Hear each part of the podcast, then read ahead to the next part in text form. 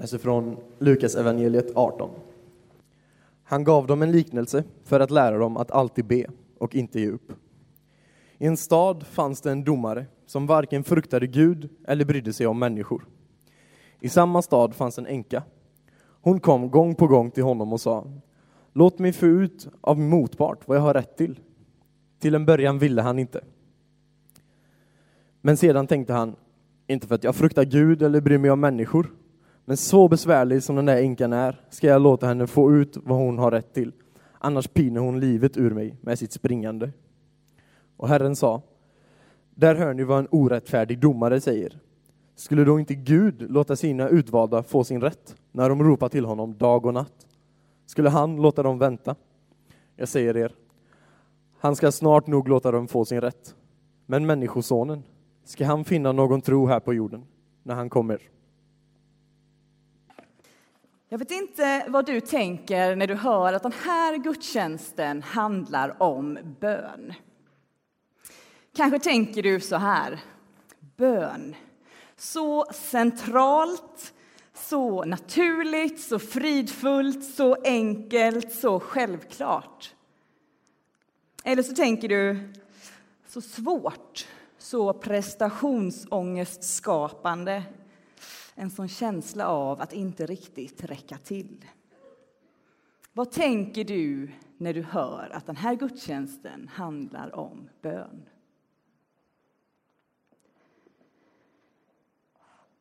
Texten som vi nyss fick höra ifrån Lukas evangeliet om änkan och domaren tycker jag är lite knepig. Kanske du kände, jag förstår den på en gång. Men när jag läste den inför idag så kände jag den är lite knepig. Och kanske är en av anledningarna den att samhället då inte riktigt ser ut som samhället gör idag. Ofta i Bibeln så pratar Jesus om änkor med änkor. Och änkor var på den tiden utsatta i samhället. De levde i stor nöd.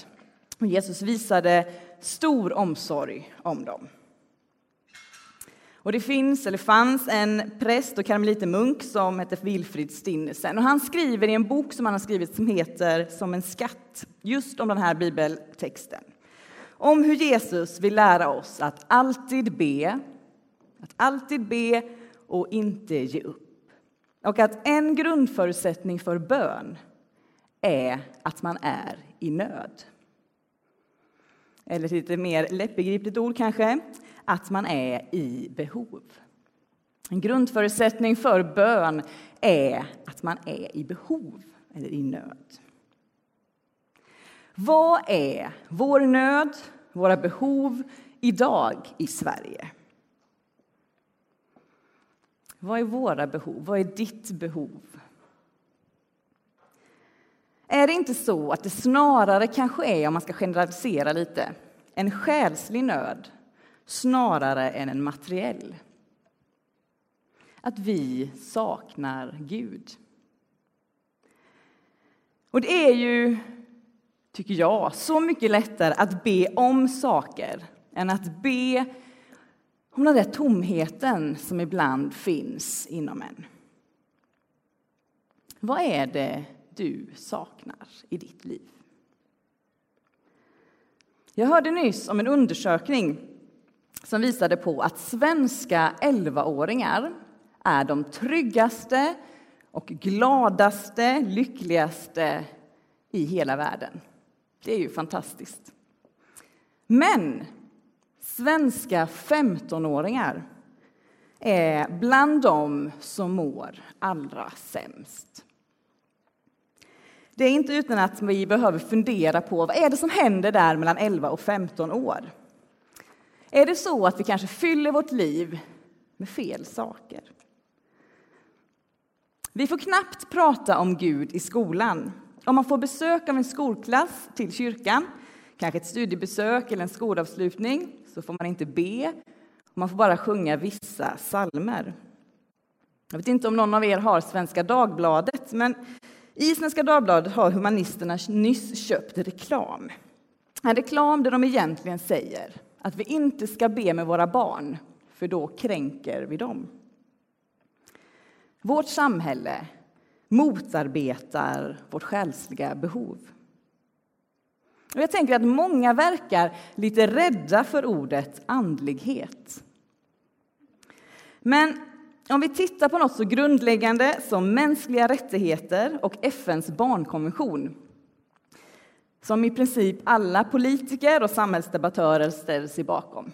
Även humanisterna använder sig av mänskliga rättigheter när de pratar om religionsfrihet. Om vi tittar på detta så står det i de här dokumenten just om andlighet. Att människan har en andlig dimension. Och I barnkonventionen så står det till och med uttryckligen att du som förälder har rätt att leda ditt barn i en andlig utveckling. Eh, I artikel 27 i barnkonventionen så står det Konventionsstaterna erkänner rätten för varje barn till den levnadsstandard som krävs för barnets fysiska, psykiska, andliga, moraliska och sociala utveckling. Och idag så pratar allt fler politiker om att vi ska göra barnkonventionen till svensk lag. Och då tänker jag, det här är en utmaning för oss som kyrka idag. Vad är vår roll i människors andliga utveckling? Och det finns en församling i Göteborgstrakten som har skrivit om detta på ett bra sätt, tycker jag. Det är Råda församling och de skriver så här på sin hemsida. Barnet har rätt till liv och utveckling. Detta är en av de fyra huvudprinciperna i barnkonventionen. Med utveckling menas både fysisk, psykisk, andlig, moralisk, social utveckling på ett sådant sätt att barnet förbereds för ett själ, självständigt liv i ett fritt samhälle.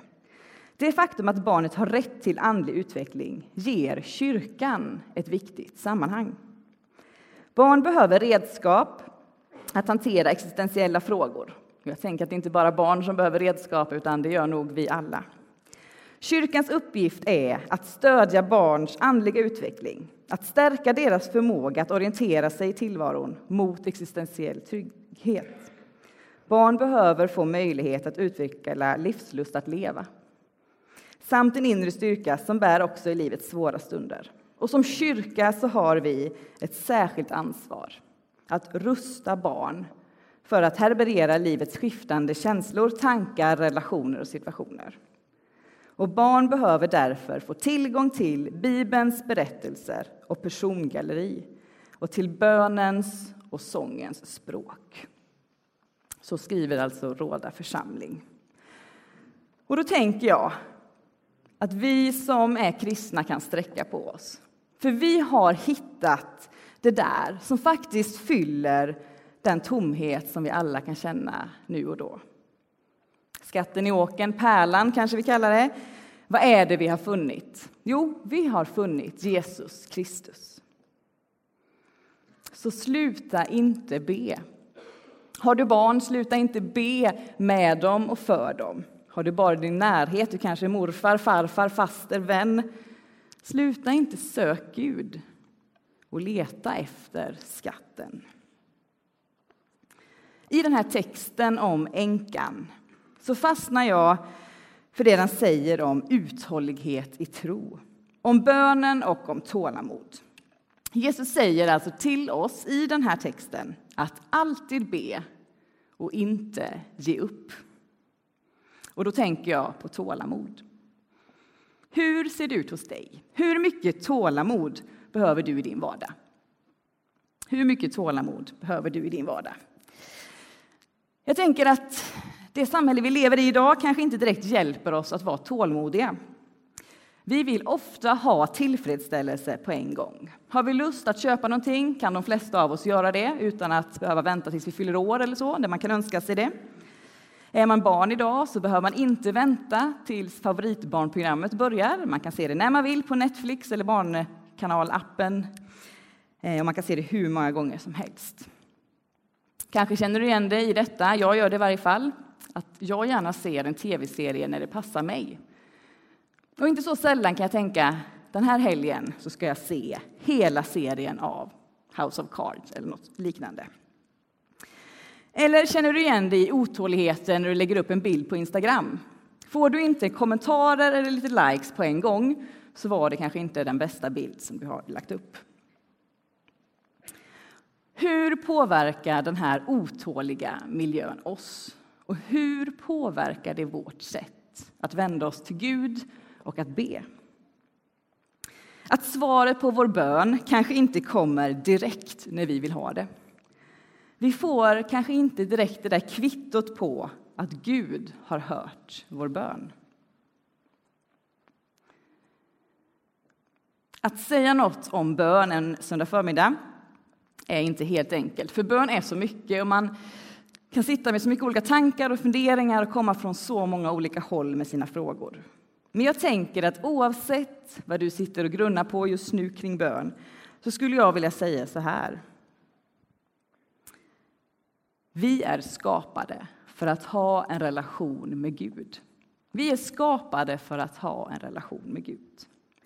Och för att en relation ska fungera så behöver man vara närvarande. Inte bara en, utan båda två behöver vara närvarande.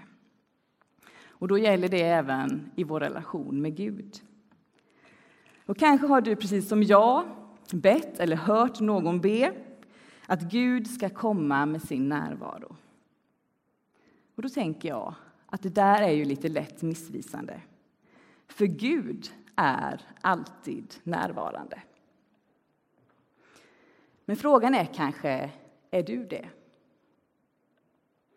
I Första Mosebok kapitel 3 så kan vi läsa om hur Gud går runt i Edens lustgård och frågar efter och letar efter Adam och Eva. Och det står så här i vers 8. De hörde Herren Gud vandra i trädgården i den svala kvällsvinden. Då gömde sig mannen och kvinnan bland träden för Herren Gud. Men Herren Gud ropade på mannen. Var är du? Var är du? Gud är alltid här och frågar efter oss. Frågan är om vi är närvarande eller om vi kanske gömmer oss för Gud ibland. kommer det en bibelreferens till. Och du som har läst eh, Bibeln en del eller kanske gått i söndagsskolan vet nog vad det är för berättelse om jag säger att det handlar om när Jakob brottas med Gud. Och om du inte kan så många bibelberättelser så gör det ingenting. Här kommer en kort version. Det här bibelstället handlar om en man som heter Jakob. Och han hade tidigare lurats. Han hade lurat sin egen far. Han hade utgett sig för att vara sin bror Esau för att få Faderns välsignelse. Och nu kommer vi till det här bibelstället. Då. Kortfattat så brottas Jakob med en man hela natten. Han brottas med Gud. Och I Första Mosebok 32 så står det Släpp mig, sa mannen. Dagen gryr. Men Jakob svarade Jag släpper dig inte förrän du välsignar mig. Han frågade honom Vad är ditt namn?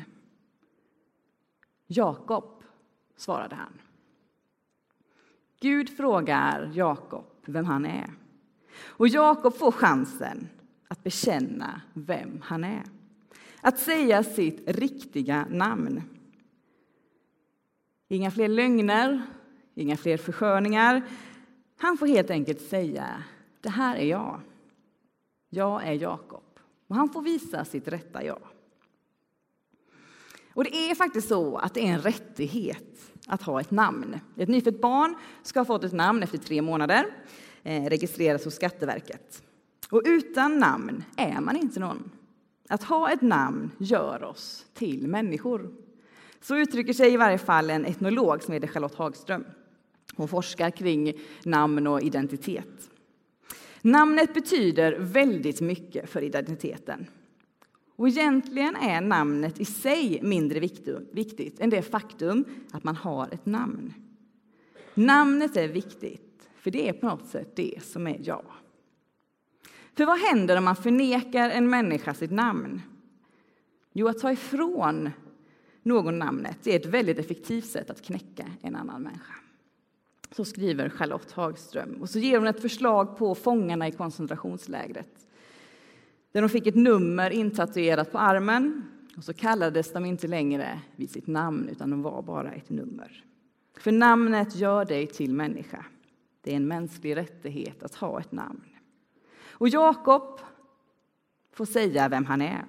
Han får säga sitt namn. Och I den här texten så kan man också alltså läsa om hur han brottas med Gud. Kanske är det så att du känner igen dig.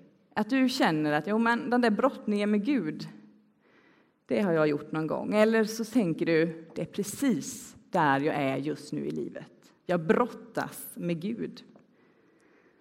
Kanske tycker att Gud är långt borta eller tyst. Kanske brottas du med bilder av hur man bör vara som kristen eller hur man bör be. Och du kanske behöver göra upp med de här bilderna.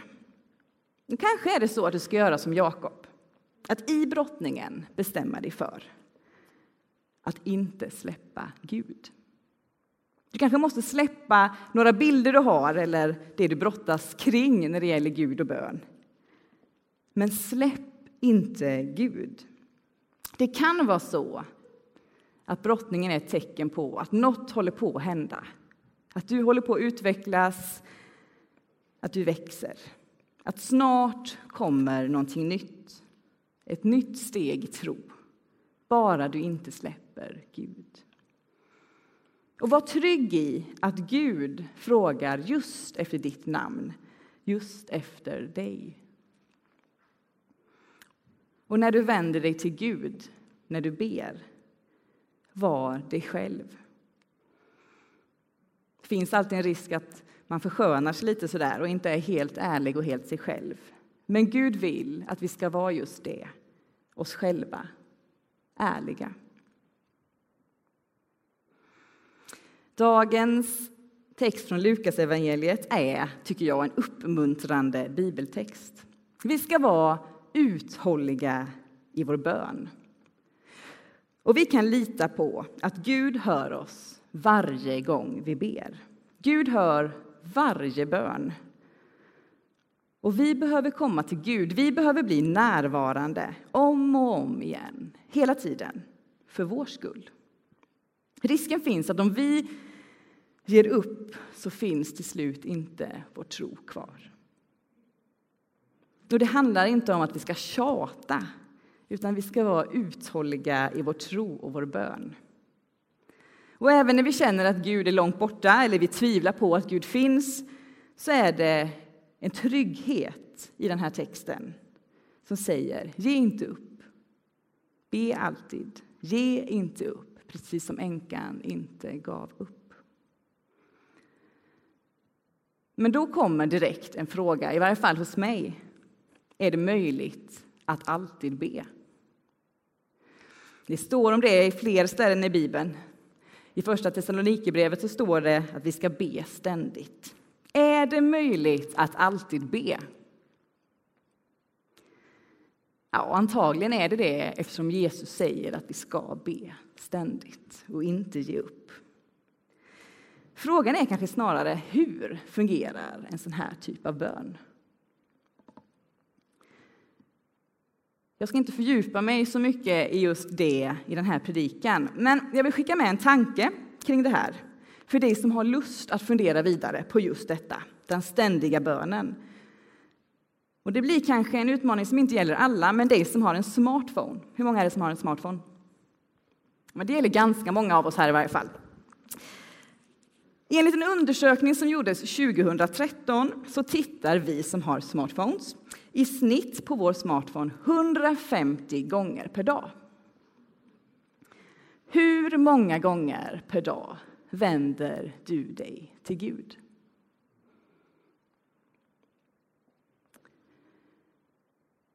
Det finns olika bilder av vad bön är. Och några kanske är nidbilder. Att man ska, måste vara på ett visst sätt eller uttrycka sig i ord eller kroppsspråk på ett visst sätt. Och kanske har du precis som jag någon gång känt att det där är ju faktiskt inte mitt sätt att uttrycka mig. Kanske har du då börjat fundera på om du är en sämre kristen eller om du är sämre på att be än någon annan. Men det handlar inte om att jämföra sig. Det handlar inte om att vi måste göra på ett visst sätt för att be. Det handlar om att du ska bli mer och mer dig själv. För Gud frågar efter dig. Precis som Gud gick och letade efter Adam och Eva i Edens lustgård så letar han efter var och en av oss. Och så säger Gud, var är du? Vad är ditt namn? Vem är du? För inför Gud får vi vara precis de som vi är. Gud vill att vi ska vara de vi är. Och vi lever i ständig risk att bara visa upp vissa sidor av oss. När vi möter andra, på sociala medier kanske, och även inför Gud. Att vi polerar oss lite grann. Men precis som Jakob får frågan, vad är ditt namn? Så får du det. Vad är ditt namn? Vem är du? Berätta för mig vem du är och hur du har det. Och snart i den här gudstjänsten så kommer du få möjlighet att vända dig till Gud. I bön, i lovsång, i nattvarden. Ta gärna den möjligheten att vända dig till Gud på ditt sätt. Fundera på hur du är när du är ärlig inför Gud. Utmana dig själv och fundera på vad är mitt nästa steg i bön om jag ska ta ett steg till. Kanske är det så att du sitter här just nu och känner att du skulle behöva göra upp med lite föreställningar som du har om hur man måste vara eller göra för att be, som har begränsat dig. Du kanske sitter och känner att du vill våga vara ärlig inför Gud vem du är. Kanske är du redo att försöka vara det. Vad är ditt nästa steg i tro och i bön? Det kan vara att det är idag som du ska söka dig till någon av förebedjarna och be om personlig förbön. Kanske är det att du redan idag ska försöka be för någon annan. Kanske är det att du känner att du skulle må bra av att prata med någon som har lite mer erfarenhet av vad det är att be. Någon som har bett längre än du. Kanske ska du höra av dig till någon av församlingens pastorer för att få prata just om bön och ditt nästa steg. Kanske är det första gången som du vill försöka säga något till Gud. Kanske är det så enkelt att du bara ska viska namnet Jesus. Kanske är din utmaning att nästa gång du plockar upp din telefon så försöker du att vända dig till Gud istället. Och jag vill avsluta den här predikan med att läsa en text ifrån Efesiebrevet 3. Och texten rymmer mycket. Fader, Son, den heliga Ande, bönens kraft, vårt lov till Gud. Att tron är mer än vad vi kan greppa. Men jag tänker att texten får tala för sig själv. Och följ gärna med i texten, högt eller tyst. Och det här avsnittet hittar ni på sidan 840. Och det är en rubrik där som står förbön för församlingen. Och jag tänker att den här texten får bli våran bön idag. Så följ gärna med i den även högt. Så låt oss läsa och be. Sidan 840.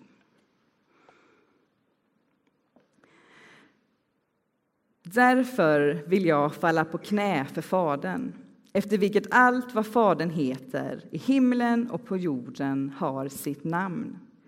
Måtte han i sin härlighetsrikedom ge kraft och styrka åt er inre människa genom sin ande så att Kristus genom tron kan bo i era hjärtan med kärlek. Stå fasta och var stadigt rotade i honom så att ni tillsammans med alla de heliga förmår fatta bredden och längden och höjden och djupet och lära känna Kristi kärlek som är väldigare än all kunskap tills hela Guds fullhet uppfyller er. Han som verkar i oss med sin kraft och förmår göra långt mer än vi kan begära eller tänka. Hans är härligheten genom kyrkan och genom Kristus Jesus i alla släktled, i evigheters evighet. Amen.